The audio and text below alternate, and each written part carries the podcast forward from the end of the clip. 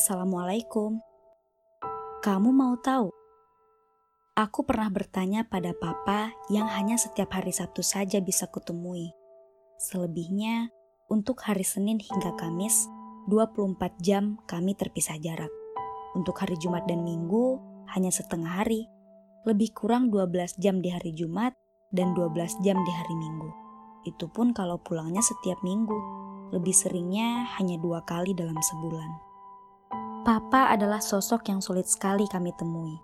Pekerjaan menuntut beliau untuk berpisah jarak dengan aku, mama, kakak, dan adik.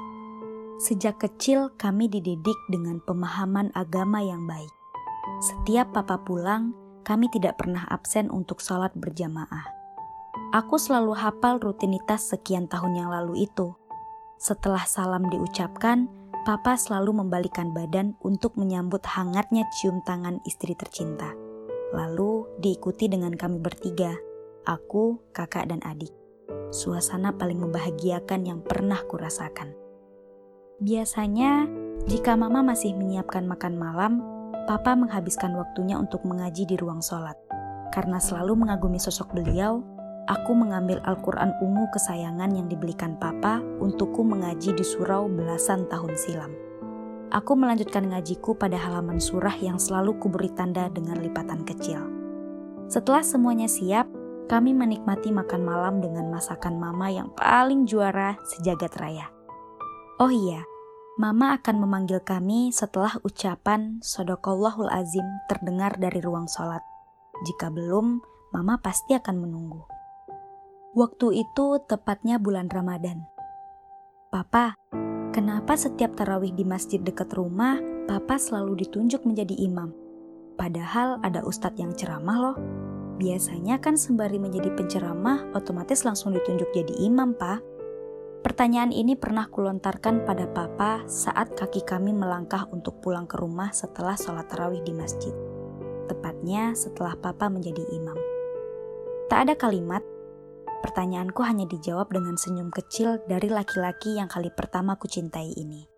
Sebagai seorang anak kecil yang penuh penasaran, aku mencari-cari jawaban melalui pengamatan. Setiap aktivitas yang dilakukan papa, aku amati dengan teliti. Hingga tak heran jika papa selalu senang meminta bantuanku tentang apa pun. Aku belajar banyak sekali dari papa. Sebagai satu-satunya putri perempuan di rumah, papa sangat memperlakukanku dengan baik menganggap diriku permaisuri ratu yang harus selalu diikuti kemauannya. Kecuali menjawab pertanyaan-pertanyaan anehku, Papa lebih memilih untukku belajar sendiri, menemukan jawaban secara mandiri sebelum beliau membantuku menemukan jawabannya. Hingga akhir pekan itu berlalu, kami harus berpisah kembali. Ramadan kala itu begitu indah. Meskipun jarang sekali berbuka puasa bersama Papa, kami tidak pernah merasa kekurangan. Allah tidak pernah pelit pada keluargaku.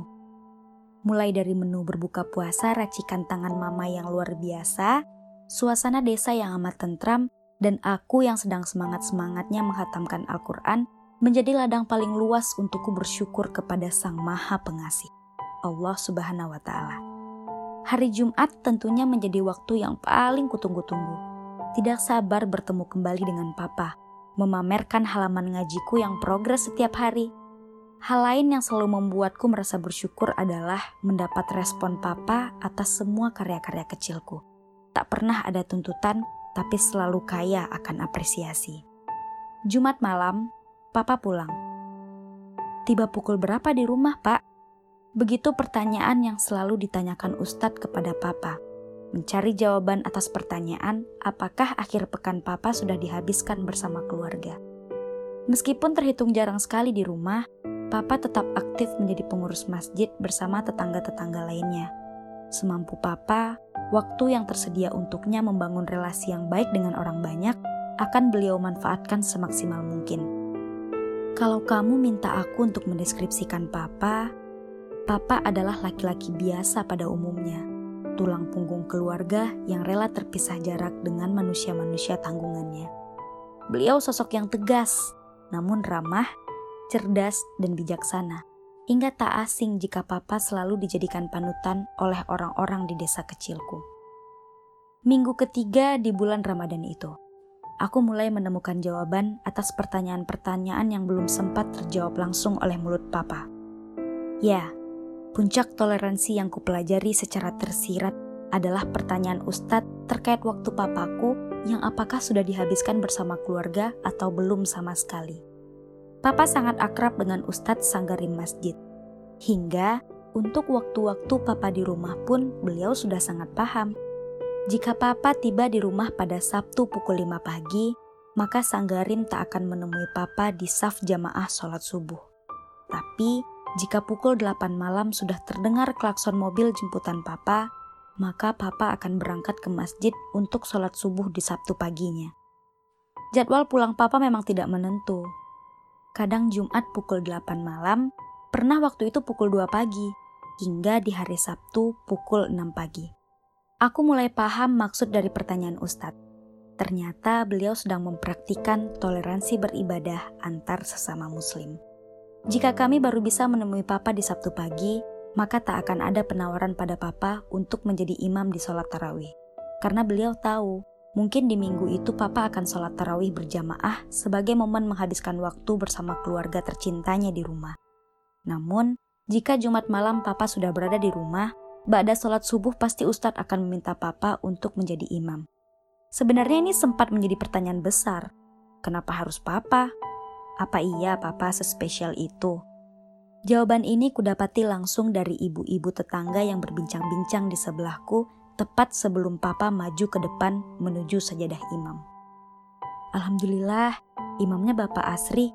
Senang kalau terawih sama beliau, suaranya lantang, bacaannya pun fasih. Jadi saya nggak ngantuk bu pas lagi tarawih. Iya ya, udah gitu bacaannya pun jelas. Tidak terlalu lamban dan tidak terlalu tergesa-gesa. Bisa jadi lebih kusyuk dan ngilangin ngantuk juga ya bu. Aku bersepakat dengan argumen dua ibu-ibu itu. Bacaan sholat papa ketika menjadi imam memang sangat fasih, jelas, dan yang pasti nggak bikin ngantuk. Lagi-lagi aku menemukan alasannya.